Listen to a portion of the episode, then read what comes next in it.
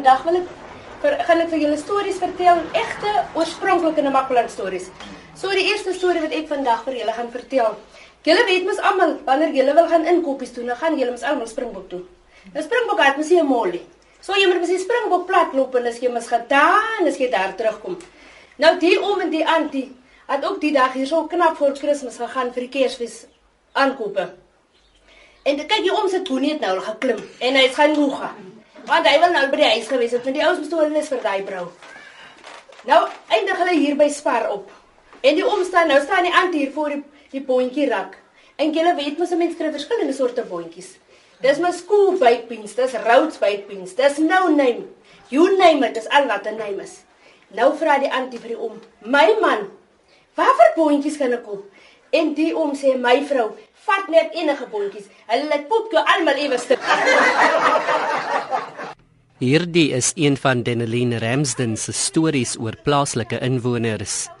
Ramsden is in Namakwaland gebore en vertel stories sedert sy in die laerskool was. Maar sy het eers 2 jaar gelede begin om dit professioneel te doen. Storievertelling is in die verlede 'n sosiale gebruik by Namakwalanders gewees. Vriende en familie het bymekaar gekom en hulle stories gedeel.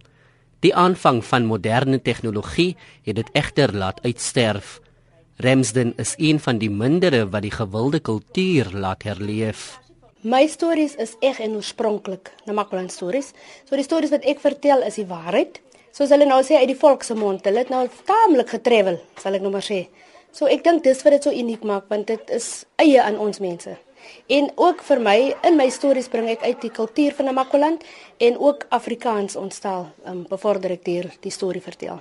Met 'n bietjie humor ja want as jy eintlik na die stories luister dan is almal nie seker regtig so snaaks as jy dink aan die gebeurtenis of dit wat ek vertel of ek weet jy of die aksent dalk bydra tot die humor want ek dink dit is eintlik meer waar vir julle so lekker lag.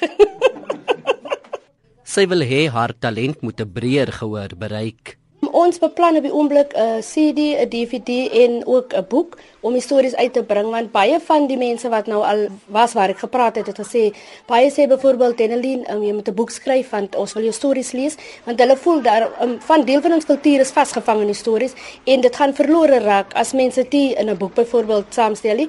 En ook um, sommige mense sê hulle kan nie meer mooi lees nie maar hulle kan nog lekker hoor. So hulle wil daarna luister en sommige mense sê maar ons wil jou sien wanneer jy dit vertel. So dit is hoekom ons dit nou op so 'n wyse ook nog gaan uitbring Ramsden se talente beïndruk baie. Nou die auntie die dag gegaan vir haar aankope en nou het sy al die grocery gekoop en bymekaar gemaak en toe die sakke nou daar staan toe besef die auntie, hoe moet sy dan nou vandag die goed by die huis kry? Nou toe sy net die die verkoopsame gevra, kan ek asseblief gou julle se telefoon gebruik? Want ek wil net my my sen bel het en my kom haal met die klomp sakke. Die vrou sê net daar's 'n foutie.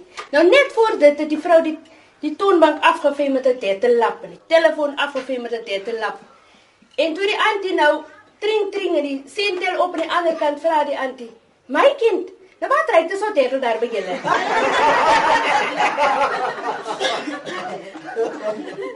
Ek is Reginald Witboy in Kommagas, Noord-Kaap.